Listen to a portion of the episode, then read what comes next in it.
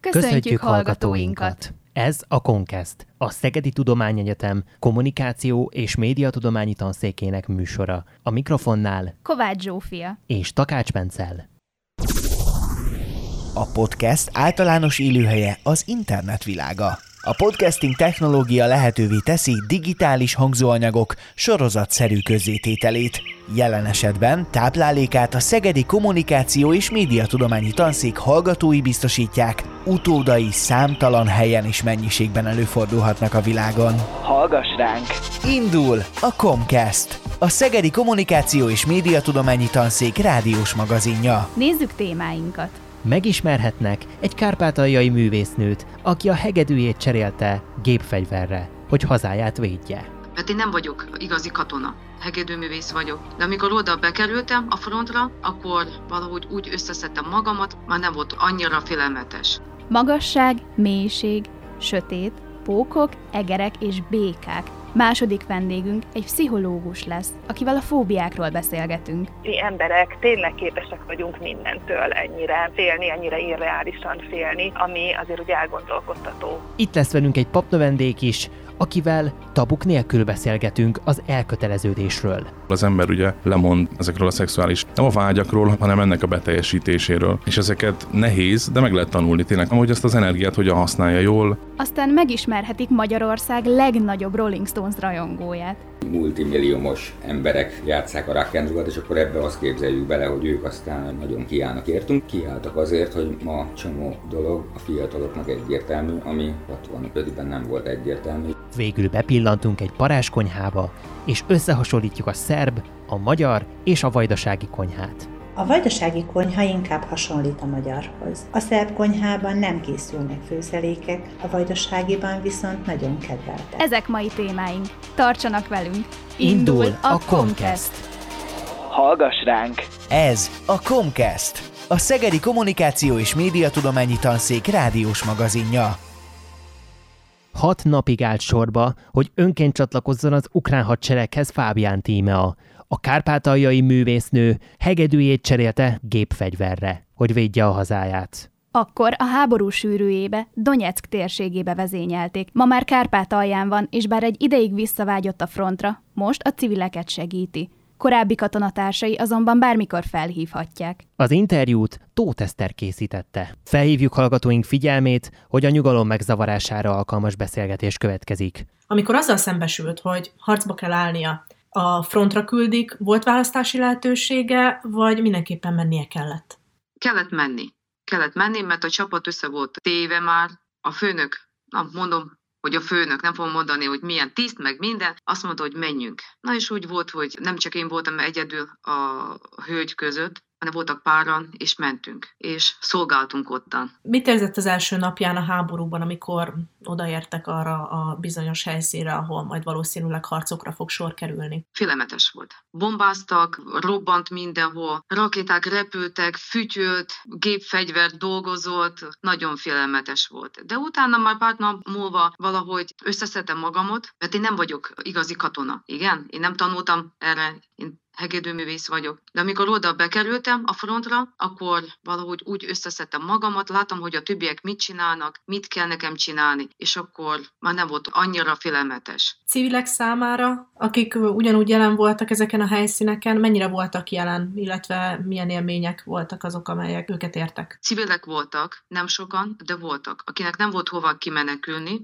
mert sokan menekültek Kárpátaljára, mert itt még annyira nem bombáznak, nincs olyan háború. De voltak ottan civilek, gyerekek is voltak, öregek, és nekik nem volt hova menekülni, és mi segítettünk nekik. Ők is féltek, de 14-ben kezdődött ott a háború. Azért az emberek már megszokták. De hogy most volt, ez nagyon félelmetes volt, mert nem volt olyan perc, hogy legalább három bomba nem esett le volna. Úgyhogy a civilek megszokták, de még kapálták is a kettőbe, jószágokat gondoztak. Úgyhogy az élet nekik folyt, mert élni kell. Na de közben volt sokszor olyan, hogy a hölgy például kapált a kertbe, és egyszer csak bomba leesett, és kész. Nincs asszony. Vagy tehén állt legelőzött, és akkor csak fél tehén maradt. Állt, és úgy leesett Szóval félelmetes volt. Na de utána már próbáltunk a civileket kivinni onnan, evakuálni ezekből a fronti helyzetekből. Na de nem mindenki akart kimenni, mert mondták nekünk nincs hova menni. Ez a mi hazánk, na de segítettünk. Kajával segítettünk, ruhával segítettünk, mindennel segítettünk nekik.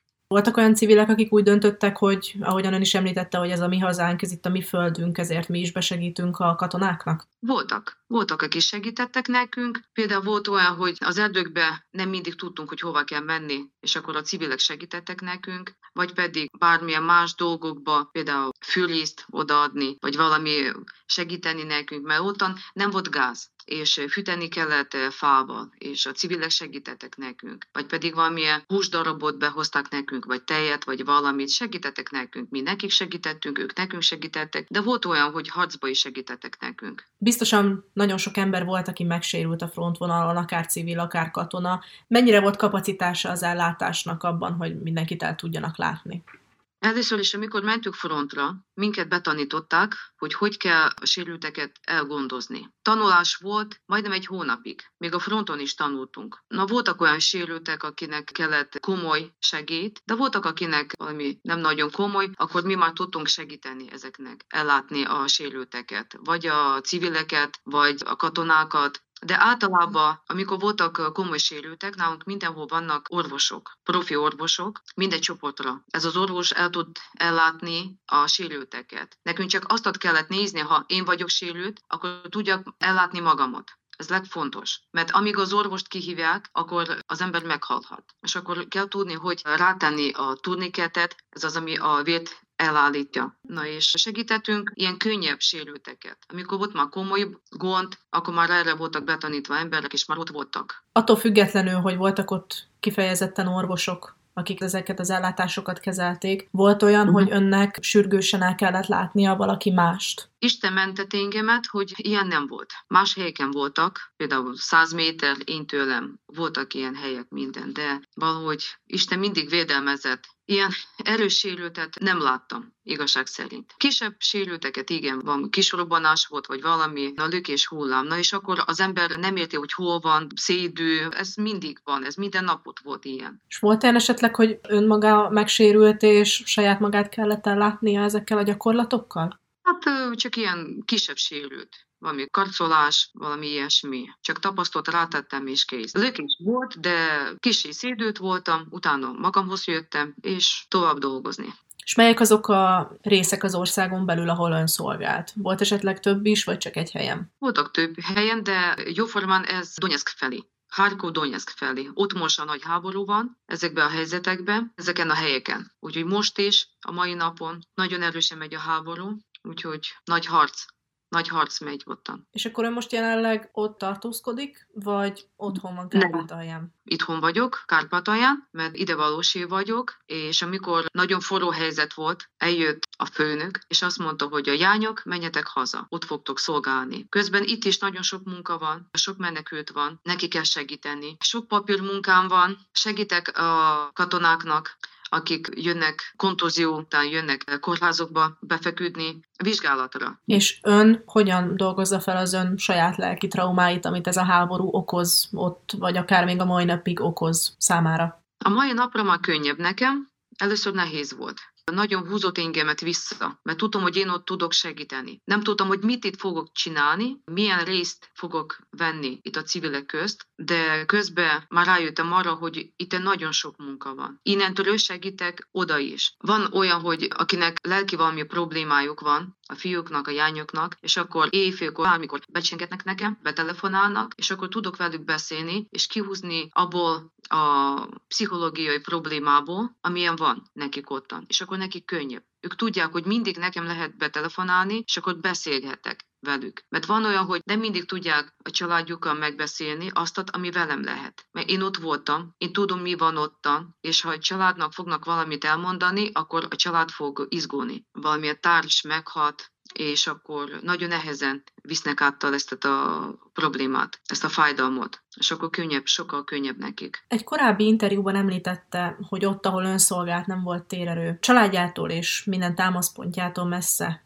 Mi motiválta, illetve tartotta a lelkét egyben? Hát volt olyan, hogy két-három hétig nem volt se villany, se térerő. Mikor jó csoport van, mindenki egymást támogatja, akkor könnyebb, sokkal könnyebb és akkor te tudod, hogy ha valami bajod van, akkor a társad segít mindenbe. Ha éhes vagy, ha rosszul vagy, ha esetleg valami fáj, vagy félsz, akkor mindig segít valaki neked. És ez nagyon fontos. Ott a fronton nagyon fontos, amikor van társad. És ha sok van, sok barát, akkor az szuper. Ha már így a barátokra rátértük, voltak olyan korábbi ismerősei, vagy esetleg barátai, akik Szintúgy megélték test közelből a háború borzalmait? Én velem nem szolgáltak, ott megismerkedtem sok emberrel, és ott lettek nekem barátaim. De uh, voltak olyanok, akik tudtam, hogy ők is ott valahol vannak, de nem tudunk telefonálni egymásnak, mert ez nem szabad, mert lehallgatják a telefonokat, a hullámokat, lehallgatják, de tudtam, hogy ott vannak. Utána már beszéltem velük, amikor már itthon voltam, amikor már hazajöttem, amikor tudtam, hogy ők is jönnek haza, mert a rokonok mondták közeliek, hogy jönnek azok haza, akkor már beszéltem velük, és akkor már megtudtam, hogy hogy volt nekik ottan. Én elmondtam, hogy hogy volt nekem ottan. Előbb, ahogyan említette, hogy nem lehetett nagyon kommunikálni egymással telekommunikációs eszközökkel, mert mi van, hogyha lehallgatják. Ebbe az ukrán seregben itt felkészítették önöket, hogy az oroszok ezt meg tudják csinálni? Persze. Sokszor volt ilyen, hogy beszéltem valakivel a telefonba, és akkor valaki beleszólt nekem orosz nyelven. Úgyhogy volt ilyen is. Miután fel tudta venni újra a kapcsolatot ezekkel a frontvonalon megismert barátaival, akkor tudott velük beszélni, hogy őket hogyan érintették a történtek? Voltak itt kevésbé érintett érzékenyebben, vagy esetleg voltak itt jobban? Ez minden függ attól, hogy milyen az ember. Akinek kemény a természete, az könnyebben aki nagyon jó szívű, akkor nagyon közel magához vette a helyzetet. Elég sérültek voltak ezek az emberek. Átvittek magukon keresztül ezeket a bajokat. Mert amikor például tíz hónapon keresztül együtt elszel az embere, együtt alszol egy bunkerbe, mindig együtt vagy, pár hónapig, akkor ez már olyan, mintha te vagy. Ő tudja, mit te akarsz, te tudod, mit ő akar. És egyszer csak nincs ez az ember. Volt esetleg olyan, hogy barátja halt meg, vagy ismerőse, akivel előtte együtt étkezett, és aztán két nap múlva már elhalálozott? Igen, igen. Volt ilyen, egy társam, fiatal fiú, segített nekem mindenbe, és sajnos meghalt. Éppen nősülni akart, mondta, hogy a háború után fog nősülni, kislány várt őre, és meghalt a fiú. Közel voltunk nagyon, úgyhogy sajnos voltak nem csak egy, de ez ilyen, hogy az én társam volt. Egy bunkerben voltunk együtt, segítettünk egymásnak. A háború viszi el sok embert. Tudtam, hogy minden reggel csokit nekem hoz, úgyhogy, és most már nincs ez a fiú. Részvétem önnek. Hát köszönöm. Fiatal fiú, olyan korom, mint a leányom, 24 éves. Hívta engemet mindig mama, mamának hívta. És amikor tudod, hogy fiatal fiúk, akik olyan korúak, mint a te gyermeket, és még élni és élni kell nekik, szülni a gyerekeket, nevelni a gyerekeket, a nemzetet, és közben már ez nem lesz. Ez is úgymond motiválta önt arra, hogy már csak azért is kiáll a hazájáért, mert egy korábbi interjújában is egyébként olvastam, hogy elég sok düh harag volt önben, úgymond Igen. ez ellen a támadás ellen. Igen, amit én láttam, meg amit civilek is mondtak ottan, hogy ez nagyon kemény most. Nagyon. Hogy ez igazi háború. Minden másodpercben halnak az emberek. Civilek is, katonák is, kispici babák, öregek, fiatalok, nagyon sokan. Ez a háború el fog vinni nagyon sok embert. Nagyon. Nagyon sok halott lesz ebbe a háborúba. Már van a mai napra. Mint abból, az oldalból, mint a mi oldalunkból is. És közben nagyon sok magyar is van ottan. Szolgálnak fiúk, mert Kárpátalja, majdnem az egész Kárpátalja, ott van a fronton, ott harcol. És náluk a Kárpátalján rengeteg magyar ember van, akinek az ősei magyarok voltak, és mind ott szolgálnak.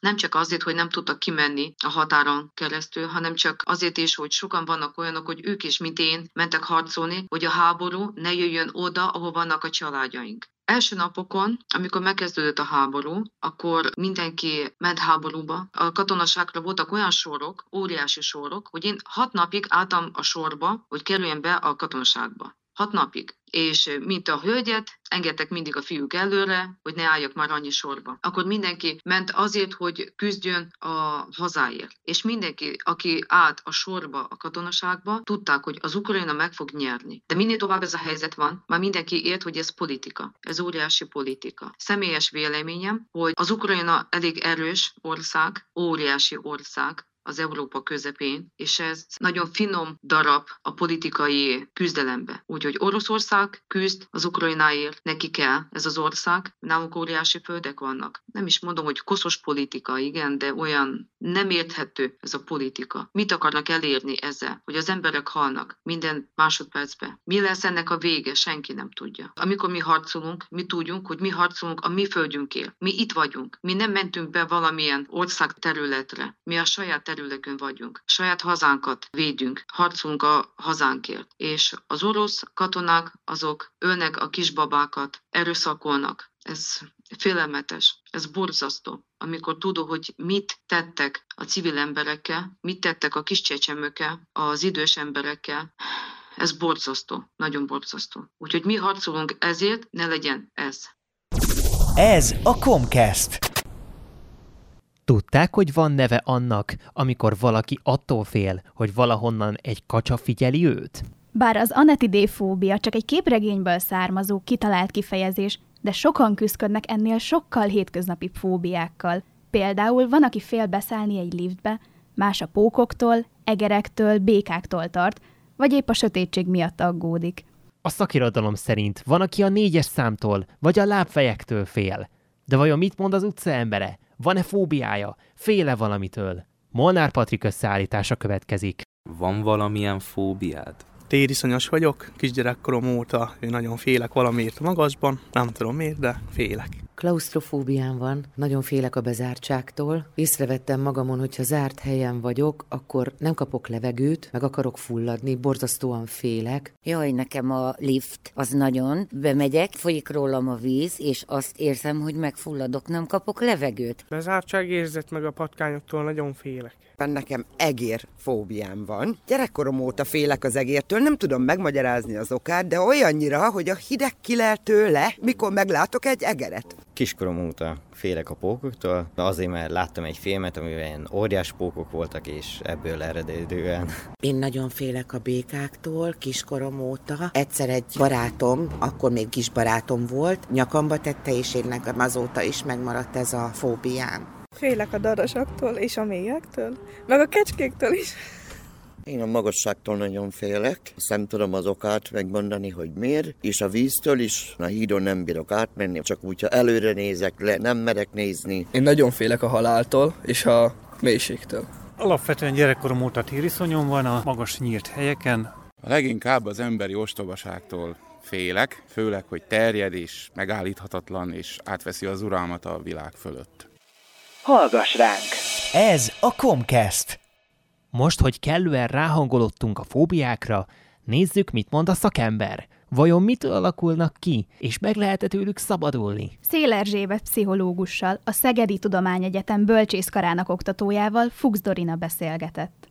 Mit nevezünk hivatalosan fóbiának? Fóbiának hivatalosan azokat a szorongásainkat nevezünk, amelyeknek a mértéke irreális és bizonyos tárgyakhoz kapcsolódnak. A tárgyak alatt érthetünk helyzeteket, vagy kifejezetten dolgokat, esetleg élőlényeket. A lényege a fóbiának az, hogy egy nagyon erős reakció születik, amikor észleljük, meglátjuk ezeket a dolgokat, és ezek a reakciók általában félelmi tünetek, félelmi reakciók. Hogyan alakulnak ki ezek a fóbiák? Esetleg gyermekkori vagy egyéb traumák kiválthatják őket? Traumák általában nem fóbiában nyilvánulnak meg. Nagyon gyakran a fóbiák úgy alakulnak ki, hogy egyszer volt egy negatív élmény, egy nagyon kellemetlen tapasztalat bizonyos helyzettel kapcsolatban, ahol az emberek vagy az ember nagyon erős ijedelmet, szorongást élt meg, és ez mint egy bekódolódik a szervezetben, hogy legközelebb, amikor hasonló helyzetbe kerül, akkor ugyanez a szorongás jelenik meg, még akkor is, hogyha maga a helyzet nem annyira veszélyes, mint korábban. Melyek a leggyakrabban előforduló fóbiák? Fóbiák? Nem tudunk ilyenekről beszélni, hogy a leggyakrabban előforduló fóbiák, mert hogy a fóbiák körülbelül a hasonló arányban fordulnak elő. A fóbiáknak az egyik köre az a társas helyzetekhez kapcsolódik, és olyan fóbiákról beszélünk, amik a megszégyenüléstől való félelemmel társulnak, úgyhogy ilyenek, mint hogy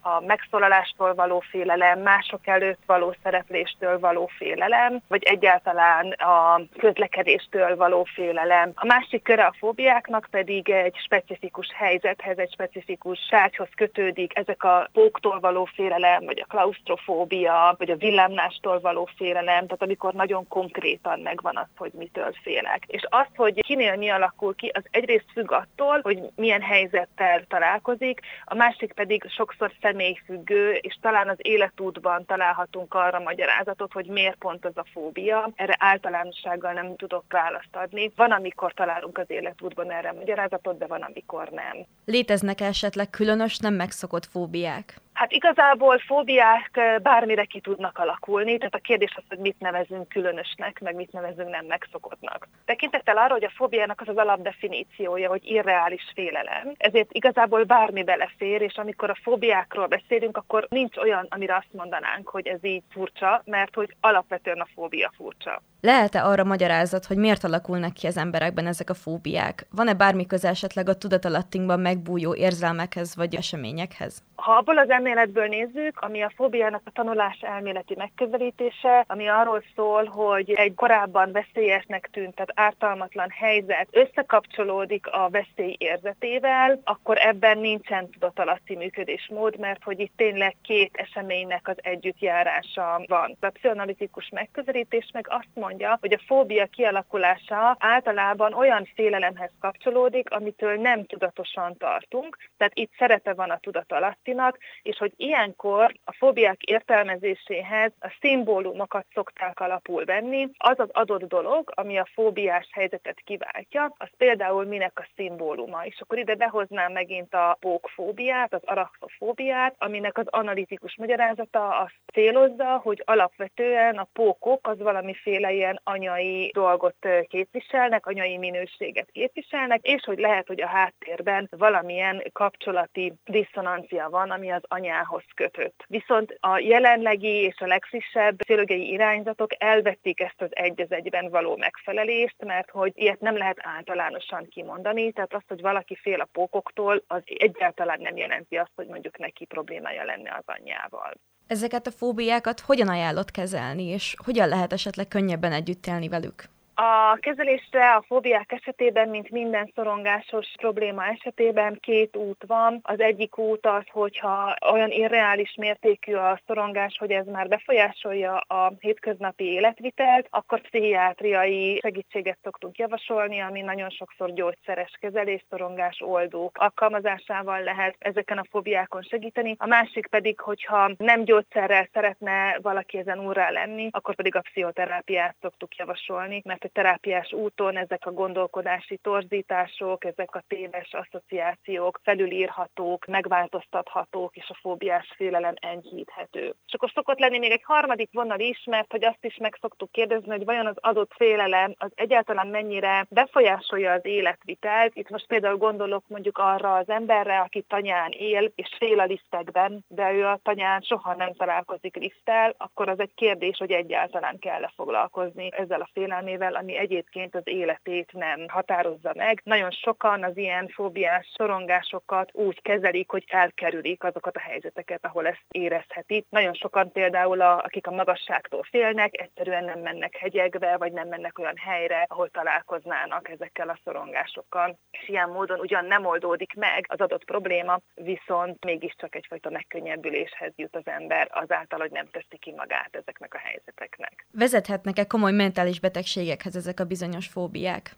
Alapvetően a fóbia is már a mentális betegségekhez tartozik, úgyhogy itt azért az kérdés, hogy mit nevezünk komoly mentális betegségnek. A pszichológiai klasszifikációban, tehát a betegségek osztályozásában és besorolásában a pánikbetegség, a hangulatzavarok, ahol a depresszió is tartozik, azok egyenértékűek a fóbiákkal, tehát hogy ugyanolyan súlyos betegségeknek tekintjük őket, ráadásul a pánikbetegség és a fóbia mind a ketten a szorongásos zavarok közé tartoznak, tehát hogy ők még rokon problémák is bizonyos értelemben. A skizofrénia az viszont egy teljesen másik típusú betegség, az egy, egy súlyosabb betegségnek tartjuk, mivel ott a valósággal való kapcsolat szakad meg, de arra nincsen egyébként precedens, hogy egy fóbiából valaki skizofrénné válik, tehát itt az átmenet az nem jelenik meg. Viszont az elő szokott fordulni, hogyha a fóbiás tünetek megszűnnek, anélkül, hogy terápiás módon feloldódtak volna, elképzelhető, elő, hogy pánikos formában visszatérnek. Ezt tünetváltásnak nevezzük egyébként. Tehát, hogyha eltűnik a fóbia, akkor lehet, hogy a pánik megjelenik azért, mert mind a ketten a szorongásnak a megnyilvánulásai. De például depresszió már nem, tehát az már egy másik kör. A fóbiákat lehet örökölni?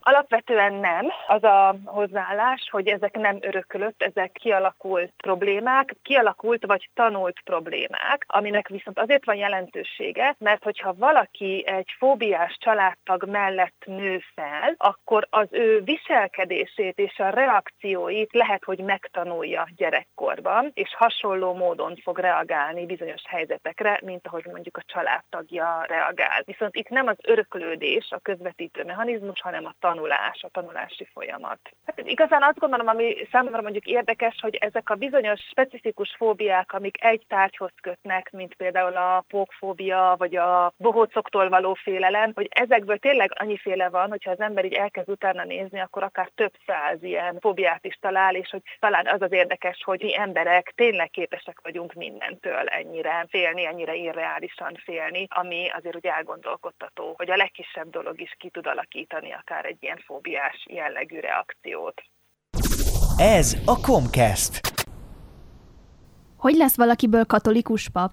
Mit gondol egy papnövendék? Mi a különbség a hit és a vallás között? Nehéz lemondani a szexualitásról és vállalni a cölibátust? Ezekről is mesél a következő percekben Tompa Szabolcs Patrik, ötödéves szegedi papnövendék. Az interjút Berci Ágnes készítette egyszerre teológiát hallgatunk, és hittanár nevelő szakot, tehát nyilván van egy elég fontos teológiai alapképzettség, ugye a katolikus hittel kapcsolatban, meg mellette egy pedagógiai oldalról, hogy mégiscsak hogyan lehet ezt oktatni. Elárulom a titkot, hogy nem úgy, ahogy egy matematikát, vagy egy földrajzot. Ezen kívül én kecskeméti vagyok, ide kerültem, mert ide küldtek. Tehát, hogy nem én jelölöm ki azt, hogy hova kerülök. Kijelölik akkor, hogy hol fogsz tanulni? Ez érdekesen hangozhat, ez ugye azért praktikus, mert Budapesten is van képzés, van szeminárium, van Szegeden is, van Esztergomba is, ahol az a legpraktikusabb, hát az kijelölik számomra, igen. Mi a különbség hit és vallás között?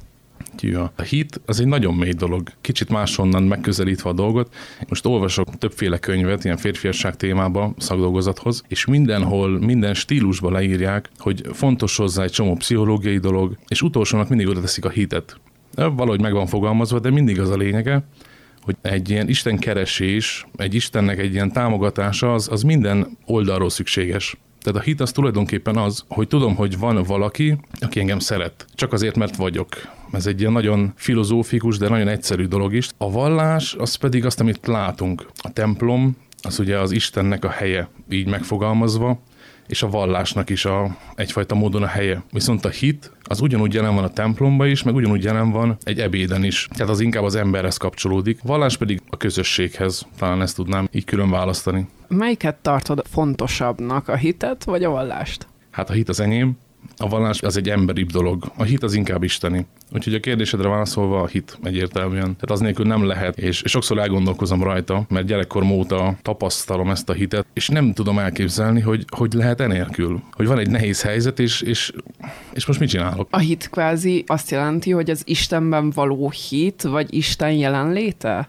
Hát az Isten, aki van. Tehát aki, aki minden helyzetben, aki mindenhogyan, és maga a hitnek a lényege, hogy én tudom, hogy ő van, hogy ő velem van, hogy nem egy, egy erő, vagy egy energia, amit szoktak néha említeni, hanem egy, egy személy, amit most így nagyon nehéz így elmondani, de hogy tényleg a legegyszerűbb példa, ugye, hogy bemegyek egy vizsgára, és kérem az ő segítségét, hogy legyen ott, hogy így velem legyen, tehát mint egy barát, vagy mint egy ilyen támogató, és ez nagyon megint csak egyszerűnek tűnhet, de hogy, de hogy ott van. Az életedben hogy jött amúgy ez a fontos kötődés, vagy ez a szoros kötődés Istennel? Egyrésztről köszönetem a családomnak, akik ugye gyermekként elvittek templomba, támogatták, hogy a közösségben megtaláljam a helyemet, vagy beírattak hittanórára. Nyilván gyerekként én ezeket nem tudom eldönteni, hogy ez nekem kell, nem kell. Tehát ez gyerekként nem lehet, ez, ehhez kell a szülő. Viszont mindemellett, tehát ezzel egyensúlyba kell a felnőtt döntés is. Kell az, hogy engem ez érdekel, hogy ezt én akarom, hogy erre kíváncsi vagyok, hogy erre figyelni akarok, és ez nekem egy olyan élményemhez köthető. Kamaszkorban voltam, amikor ugye semmi nem jó, csak az, amit én gondolok, és édesanyám nagyon visszafogottan, de ajánlott egy közösséget, homokkomáromba, világ végén gyakorlatilag, egy zsákfaluba, és mondta, hogy ott van egy remek tábor, egy remek közösség, és, és menjek el. Nem azt mondta, hogy el kell mennem, mert akkor tudta, hogy nem fogok elmenni, hanem fölajánlotta ezt számomra, elmentem. Ott egy nagyon érdekes tapasztalatom volt először, mindenki mosolygott, mindenki odafigyelt a másikra. Ez nyilván egy hetes alkalom volt, de akkor folyamatosan ez volt bennem, hogy, hogy itt valami sokkal különlegesebb van megfoghatóba. Tehát, hogy ugyanúgy emberek vagyunk, innen-onnan összejöttünk, életkorba is, mégis abba a mosolyba, abba az odafigyelésbe, abba a szeretetbe, megtapasztaltam, hogy itt valami különleges van. És nyilván előtte is benne voltam, de ott abba a közösségbe tudtam kimondani azt, hogy ez az, amire nekem szükségem van. Tehát ami nélkül itt tényleg nem tudok meglenni vagy megmaradni, és azóta is egyébként visszajárok. Nyilván a papilét az egy hivatás, de te hogy döntötted el ebből a tábori élményből, hogy te akkor most papnak készülsz? Egyrészt kellett hozzá egy bizonyos pont, amikor azt mondjam, hogy, hogy elkezdem, illetve volt ennek egy ugye hosszabb útja is. Fiatalkoromban, gyerekkoromban is voltak egy-egy ilyen megérintéseim, hogy engem érdekel ez az út, engem érdekel a papságnak az útja. Nyilván gyerekként még ezt nem láttam át, hogy, hogy pontosan mi ez, de vissza tudok tisztán emlékezni arra, hogy voltak ilyen megindításaim, hogy, hogy ilyen hívás ez tulajdonképpen, hogy érdeklődj, hogy keres, és utána merült föl az bennem, amikor egy konkrét kérdést kaptam egy ottani program kapcsán, papoknak és szerzeteseknek a hivatásáról volt egy ilyen fórumbeszélgetés. Utána gondoltam vissza, hogy ez egy kimondott döntés volt, de hogy, de nem az enyém volt, és közben az enyém volt. Szóval ez egy nagyon érdekes helyzet volt, és akkor mondtam azt, hogy elindulok ezen az úton. Nyilván nem úgy, hogy az volt az első pillanat, de akkor tudom így visszavezetni, hogy na, akkor nekem ez az utam. Én most az öt éves képzésnek a végén járok. A papszentelés után van egy úgynevezett diakónus szentelés, egy kicsit egy ilyen gyakorlati idő, és, és most van annak az igazi pillanata, amikor tényleg véglegesen el kell döntenem azt, hogy nekem ez az utam. A papilét az nem túl sok lemondással jár? Szokták mondani poénosan, hogy a házas ember az, az egy nőért lemond az összesről, én csak arról az egyről mondok le. Ugye ez a legáltalánosabb. De ez egy nagy áldozat, nem? Igenis, meg nem is. Az igen az talán egyértelmű. A nemet pedig arra értem, hogy az életünk az alapvetően lemondásokkal jár. Tehát sokszor ezt, ezt nem veszük úgy figyelembe, vagy, vagy nem érezzük annyira fontosnak, hogy lemondjunk bizonyos dolgokról, de mindig vannak választások. Tehát ha valaki egy jó sportoló akar lenni, hát akkor bizony, nem tudom én, egy reggeli ötös edzésre odaérjen, az, az bizony renge, rengeteg lemondással jár, vagy ha valaki egy jó organista akar lenni, hát az, az napi 8 órát legalább gyakorol. Tehát, hogy ezek mind-mind olyan lemondások, ami más hivatásokban is megvan, itt is megvan a maga lemondása, de kell hozzá, nem lehet az nélkül. A 21. században akkor tartható a celibátus? Most azért gondolkozok ennyit, mert egyértelműen tartható, de próbálom egy kicsit úgy összefoglalni, hogy, hogy ez egy jó dolog. Ez valahol egy lemondás, de ha az embernek van egy hivatása, Ugye ezt nehéz átadni annak, aki nem papnak készül, de hogy ennek van egy olyan könnyűsége, hogy a szolgálatban ez meghozza a gyümölcsét. Tehát egyrészt az embernek rengeteg lelki gyermeke adódik a közösségekben, a városokban, ahol jelen van, ahol tevékenykedik, másrészt pedig nyilván egy lemondás, tehát hogy ez benne van, de nem úgy, ahogy azt úgy gondoljuk, vagy nem úgy, hogy na most akkor egyedül éli az életét, mert hogy közösségekben ugyanúgy jelen vagyok én is. De maga az emberi szexualitás az egy ösztönös dolog, és ez szerintem egy hatalmas lemondással jár. Ugye pont ebből vizsgáztam egyébként, hogy ez az emberben általánosan jelen van, férfiban is, a nőben is. Tehát, hogy ez egy olyan mozgató, rugó tulajdonképpen, amit az ember vagy jól felhasznál, vagy nem. Tehát ez minden emberre érvényes. Tehát ha megtanuljuk jól felhasználni ezeket a, az energiákat, ami ebben, ami ebben benne van, ami bennünket mozgat, akkor az ugyanúgy felhasználható a papi élet során is, ahol az ember ugye lemond hát tulajdonképpen ezekről a szexuális, nem a vágyakról, hanem, hanem ennek a beteljesítéséről. És ezeket nehéz, de meg lehet tanulni tényleg, hogy az ember hogy formálja át úgy, hogy nem egy elfolytás keletkezik belőle, ami az nem, nem egy jó út, hanem hogy ezt az energiát hogyan használja jól, hogyan tud belőle előre haladni hát nem egyszerű. Mivel másabb az életed, mint mondjuk egy átlagos emberé? Egy olyan szemináriumi közösségben élünk, ami nagyon hasonlít egy kollégiumhoz, jelenleg a képzés alatt, és ez nagyon hasonlít a kollégiumhoz, tehát többen élünk ott. Nyilván vannak olyan vezetői az intézménynek, akik támogatnak bennünket ezen az úton. Sok lehetőségünk van. Az egyik tanárunk úgy fogalmazta meg, hogy van öt évnyi lehetőségünk, hogy ezt a személyes viszonyt kialakítsuk, vagy megerősítsük ugye nyilván ki, hogy érkezik. Papnövendékként nyilván az egyetemre is koncentrálódunk, de arra is, hogy ezt a személyes viszonyt én hogy élem meg. Tehát ez tényleg egy, egy barátság, így lefordítva egy jegyesség is tulajdonképpen, ami, ami hosszú ideig tart, és, és ez mind ugye arra szolgál, hogy mélyítse az életünket, hogy én ezt hogyan tudom a későbbiekben is majd megélni, de minden mellett ugyanúgy eljárunk egyet-egyet egy étterembe egy jó ebédet megenni, vagy egy jó szórakozás is kijár nekünk, tehát hogy ezeket abszolút igyekszünk élni. Nyilván az egyetemen is próbálunk ugye minél jobban teljesíteni, mert hogy azt tanuljuk, amit utána egy ilyen 60-80 évig szeretnénk majd gyakorolni is, vagy bemutatni egy picit, de minden mellett szükséges, hogy, hogy kikapcsolódjunk. Nektek milyen a kapcsolatotok Istennel egy hétköznapi emberhez képest? Csak egy picit visszautalok, és utána válaszolok a kérdésre, mert úgy örültem, amikor meghívtál, és mondtad, hogy ilyen lelkesen kíváncsi vagy arra, hogy, hogy mi ez az egész, vagy hogy, vagy hogy mit is élünk nem vagyunk különlegesebbek, mint egy átlagos hallgató, vagy egy átlagos dolgozó ember. A különlegesség igazából abból értendő, hogy van lehetőségünk most szolgálatra készülni. Konkrétabb a cél, talán inkább ezt mondanám. Tehát azért nálunk nem opció az, hogy szakot váltunk, ha az úgy nem jön be, hanem inkább arra figyelünk, hogy ebbe hogy tudok jobban elmérni, vagy ha van egy probléma, akkor nem azt mondom, hogy nem tetszik az iskola, vagy a tanár, hanem hogy hogy tudom ezt megoldani hogy esetleg bennem van a hiba.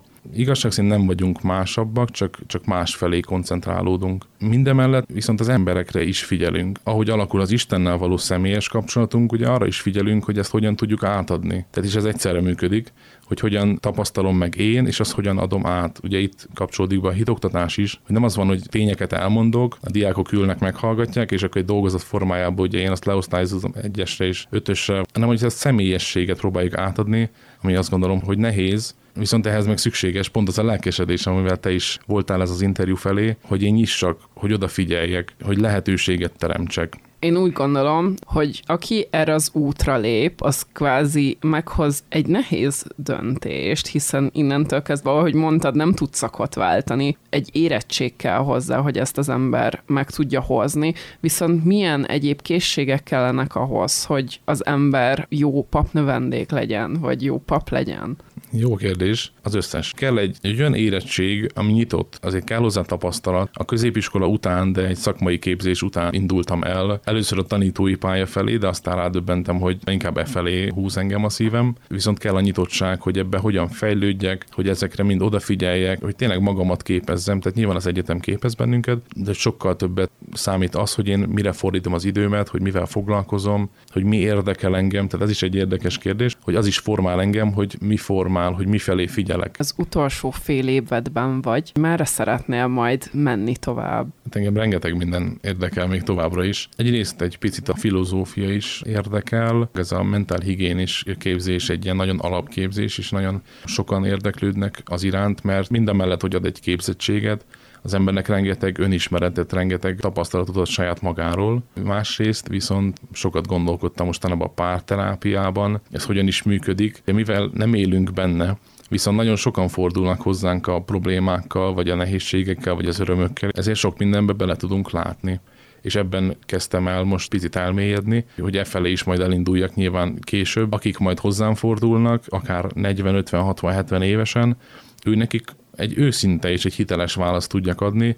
Hát nyilván nem a saját tapasztalatomból, de azokból a tanulmányokból, amik mondjuk még száz éve nem voltak, de most már tudjuk ezeket tanulni. És akkor mi lesz a papi hivatással? Hát ez mindennek az alapja. Tehát a papi hivatás, a hit, a hitből fakad, amit megbeszéltünk, hogy ez egy annyira alapvető egysége az egésznek, hogy az mindenbe benne van. Hogy nem úgy beszélek, vagy nem úgy beszélgetek egy fiatallal, hogy nélkülözem ezt a hitet, hanem azt próbálom egy-egy helyzetbe megmutatni, hogy ugyanolyan emberként élek, de mégis én fontosnak látom a hitet, ezt hogyan tudom képviselni. Ez tényleg általánosan jelentős. Tehát ez mozgatja az életemet, ez ad egy energiát, ez ad egy, egy jó kommunikációs képességet, nagyon sok felé, nagyon részletesen ki tudhatni az életembe. Hallgass ránk! Ez a Comcast. Csak nem száz Rolling Stones koncerten volt már Jókai Árpád, aki kétségkívül az egyik legnagyobb hazai rajongója a zenekarnak. Árpi maga is zenél. Volt közös zenekara például Kozma Orsival. Aztán húsz éve inkább megalapította az egyetlen magyar Rolling Stones tribute együttest, a Stone zenekart. De honnan a rajongás? Molnár Patrik interjúja. 80-as években elképzelhetetlen volt egyáltalán tizenévesen a szocialista blogból kijutni valahova, és ráadásul még az is nehezítette a dolgot, hogy a Rolling Stones éppen a 80-as években nem, egyáltalán nem koncertezett. Tehát ez a rajongás, ami így kezdődött tizenévesen, az nagyjából a zenehallgatásban és az ilyen vágyakozásban, ilyen reménytelen vágyakozásban, hogy egyszer láthatod, de úgyse láthatod, mert hiszen nem jutsz ki az országból, meg amúgy sem koncerteznek. Majd aztán 80-as évek vége, 89, Rolling Stones visszatér, éppen már lehet, még szocialista blokk vagyunk, de, de már lehet utazgatni, és akkor a nővérem már kint tanul Németországban, a Rolling Stones Németországban megy, és akkor így fölgyorsulnak az események, és akkor kimegyünk már, tehát 14-15 éves koromban voltam először Rolling Stoneson. Egyedül utaztam, megvettem a repülőjét, és akkor még a szocialista blokk előnye az volt, hogy szocialista blokk áron tudtam Berlinbe utazni, Nyugat-Berlinben volt a koncert, tehát egy ilyen olcsó, olyan volt, mint egy mai fapados utazás, ez volt 1990-ben. Tehát akkor láttam 15 évesen először a Rolling Stones-t. És akkor nekem mondjuk az volt még a, az ilyen determináló ezzel kapcsolatban, hogy gitározni is akartam, meg nem volt nagyon nagy előzménye a családban ennek a zeneiségnek. Én sem úgy gondoltam magamra, mint egy ős tehetségre, de mindenképpen gitározni vagy előadni szerettem volna, nem is csak a Rolling Stones, hanem csak, hogy egy ilyen, ez egy ilyen inspiráló dolog volt. Gitározás, meg a Rolling Stones, meg a Rolling Stones által képviselt ilyen életérzés, meg stílus, meg azt megelőző, tehát a Rolling Stones, amiből táplálkozott mondjuk a blues, meg a rock and roll, e fajta műfajok, meg a zenélés együtt, az akkor ez így elindított egyfajta kinyíló dolgot. Tehát ez, ez nem csak egy ilyen rajongás, hogy együtt szeretnék fotózkodni, ami nem feltétlenül lenézendő, de hogy valahogy így én ebbe az irányba mentem el. Szeretek Rolling Stones koncertre járni, és szeretem gitározgatni a magam módján azt, amit úgy játszogatnak. Akkor az életed is teljesen befolyásolta így az életstílusod. Az az irány, amit mondjuk Rolling Stones, vagy John Lennon, vagy Muddy Waters megszabott, nem csak zeneileg, hanem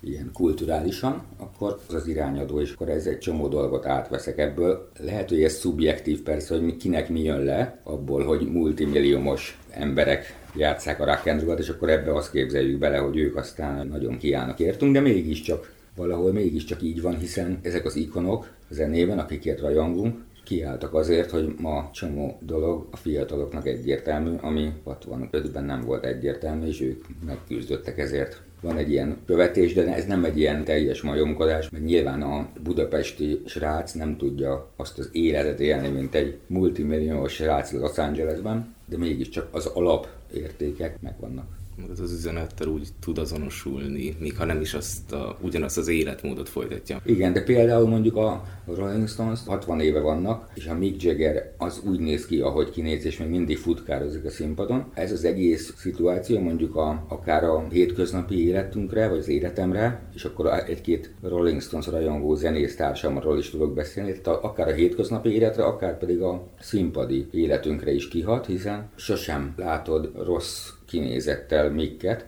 színpadon különösképpen nem. Ezek már ilyen zsigeriként ivódtak belénk, és nem tudok arra gondolni, hogy, hogy ilyen csúnyán megöregszem, vagy elhagyom magam, vagy elhízok, és akkor nem foglalkoznék azzal, hogy mondjuk, ha a színpadra lépek, akkor visszamenjen ez oda a dolog. Tehát, hogy ezek olyan értékek, amit a Stones számomra képvisel, meg egy, mondom a barátaim, egy-két barátom számára is, tehát, hogy ezek akkor így jelen vannak valószínűleg milyen sok koncertjükön voltál, mennyire követted így őket a világban? Hát és akkor ez a 90-es élmény azért volt meghatározó, mert hogy jaj, végre eljutottam, és akkor szedjem ki belőle, amit mondjuk persze 15 évesen az ember ki tud, de akkor így próbáltam koncentrálni, hogy tényleg úgy Rolling Stones, és akkor soha többet nem láthatom. De aztán így a 90-es évek, az a 80-as évek, akár a Rolling Stones esetében a zenei úgymond egy kicsit ellaposodáshoz képest egy ilyen, ilyen virágzás volt, ráadásul akkor már 20 éves voltam, és akkor kiderült, hogy Rolling Stones az három évente fog turnézni. Akkor az volt az életem 20-tól 30 éves koromig, hogy vártam, hogy koncertezzen a Rolling Stones, és akkor mehessek.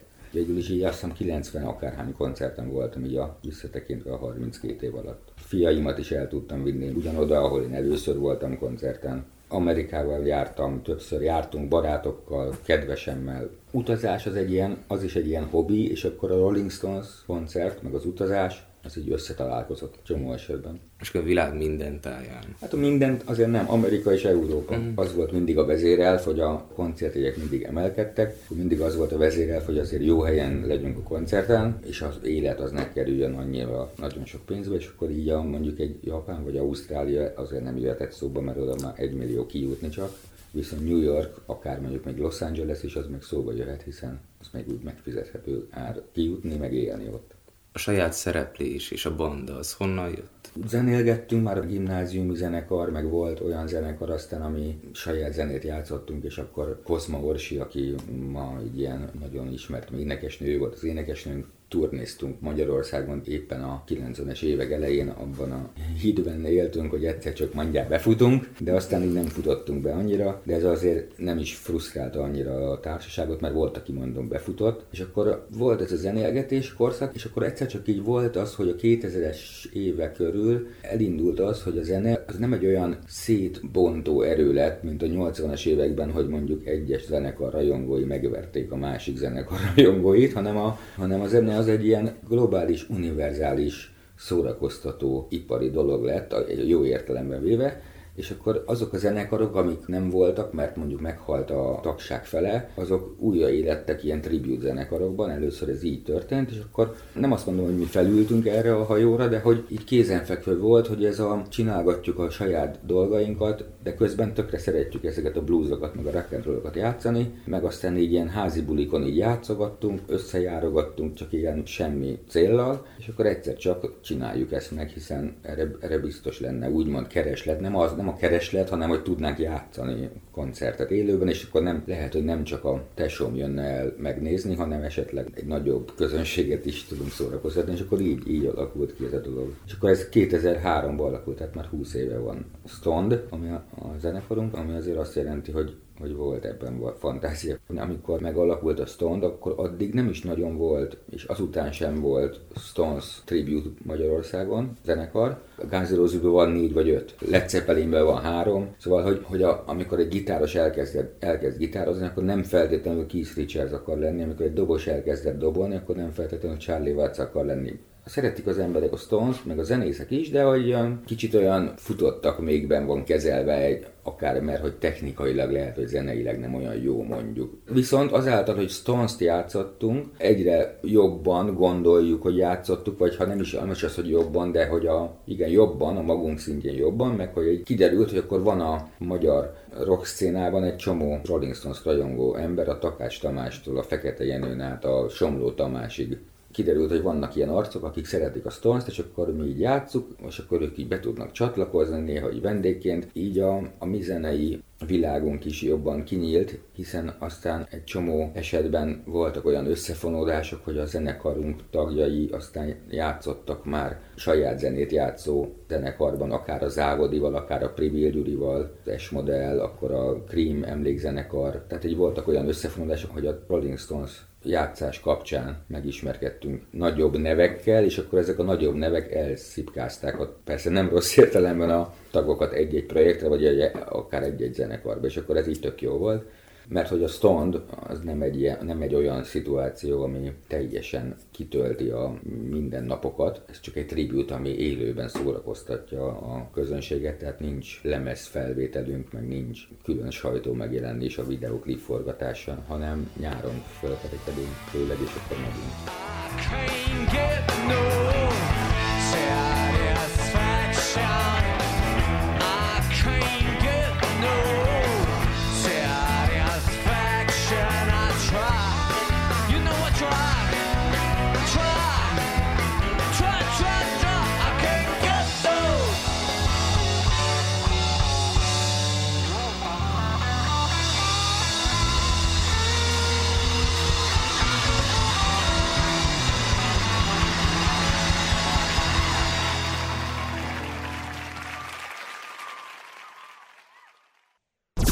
Ez a Comcast.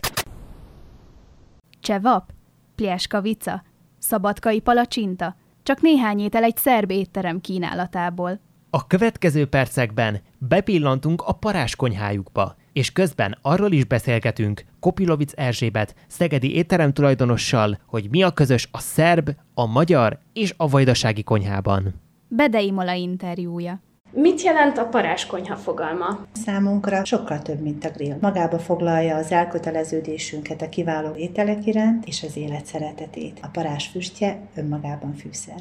Mi egy jó étterem mozgatórugója? Én arra gondolok, hogy elsősorban a sajátos ízvilágú finom ételek, azok állandósága, de egyaránt fontos a kedves, segítőkész udvarias személyzet, a szép környezet, és hát nyilván az egész csapat elköteleződése az étterem iránt. Mi egy szerb étterem vagyunk. A vendégek specifikusan a szerb gasztronómia fogásaiért látogatnak el, vagy mindenre nyitottak? Ha arányokat nézünk, 10 ételből 9 a szerb ételek közül lesz kiválasztva. A szerb konyha a legfőbb vonzereje a konyhánknak. Vannak egyéb fogásaink is, saláták, könnyű vegetáriánus fogások. Melyik a leggyakrabban választott fogás?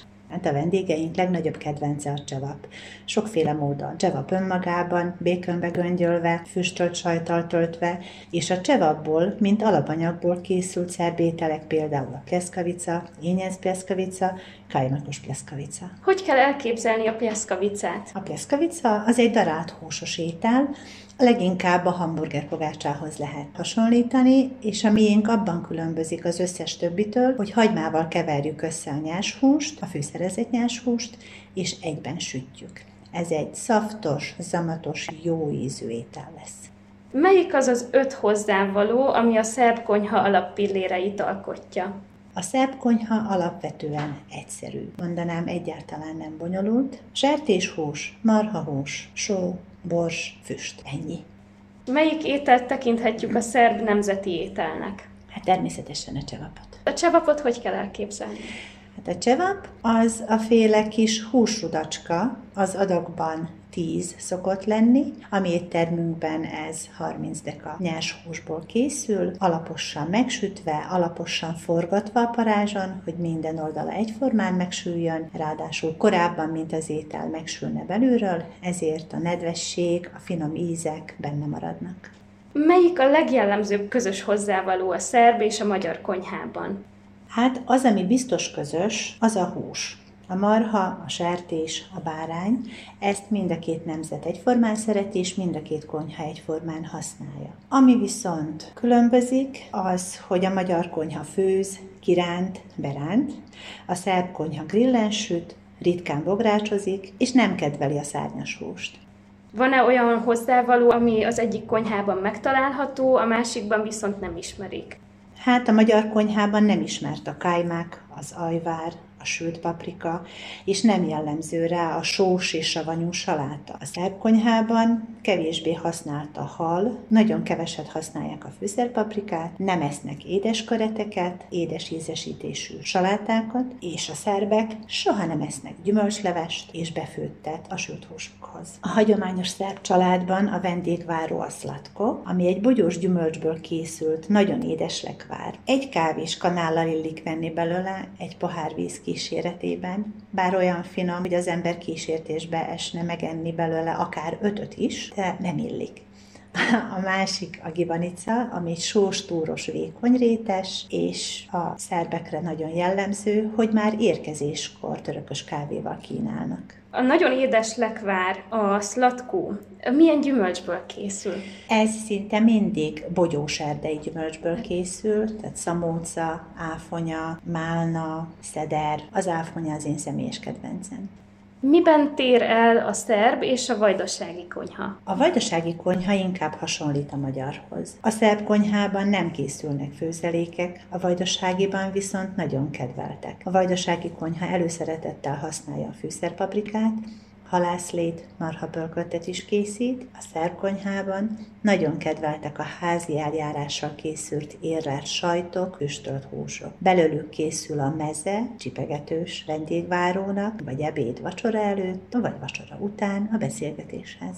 A vajdasági fogások hatással voltak a szerb gasztronómia alakulására? Én úgy gondolom, hogy a vajdasági konyha nem igazán volt hatással a szerb gasztronómiára, az inkább a török hatásokkal van fűszerezve. Fordítva inkább igaz, mert a népvándorlások a történelem során vajdaság irányában történtek. Délebről vándorló népek hozták magukkal a saját konyhájuk szokásait, és honosították őket az új környezetben. Ebből született egy nagyon értékes és gazdag sokaság, ami legalább annyira sokszínű, mint a vajdaság nemzeti összetétele. Mi a legszívmelengetőbb élmény, ami az étteremben történt? az éttermünkben volt egy boldogságkampány, amiben a vendég az ételfogyasztása mellé kapott egy kupont. A belépő az volt, hogy írja le, hogy neki mi a boldogság. És ebben a kampányban az első résztvevőnk egy fiatal házaspár volt, aki akkor jött az orvostól, és a kuponhoz hozzátűzték az első majdan születendő gyermeküknek az első útrahan képét. Számomra ez volt a legszebb, ami történt velem itt a klasszikban. Hallgass ránk! Ez a Comcast. Ez volt a Comcast, a Szegedi Tudományegyetem kommunikáció és médiatudományi tanszékének havonta jelentkező rádiós magazinja. Köszönjük figyelmüket! A műsor elkészítésében részt vett Tálas Péter Csongor, Tóth Eszter, Fuchs Dorina, Bedei Mola, Koller Hanna, Berci Ágnes, Molnár Patrik, valamint Nagy Laura, Kapás Csilla, Dankó László Pusztai Bertalan. és a felelős szerkesztő Hegedűs Márk Búcsúznak a műsorvezetők Kovács Zsófia. és Takács Bencel. Ha van kedvük, korábbi műsorainkat is meghallgathatják a Spotify-on. Találkozunk a jövő hónapban is. A viszonthallásra!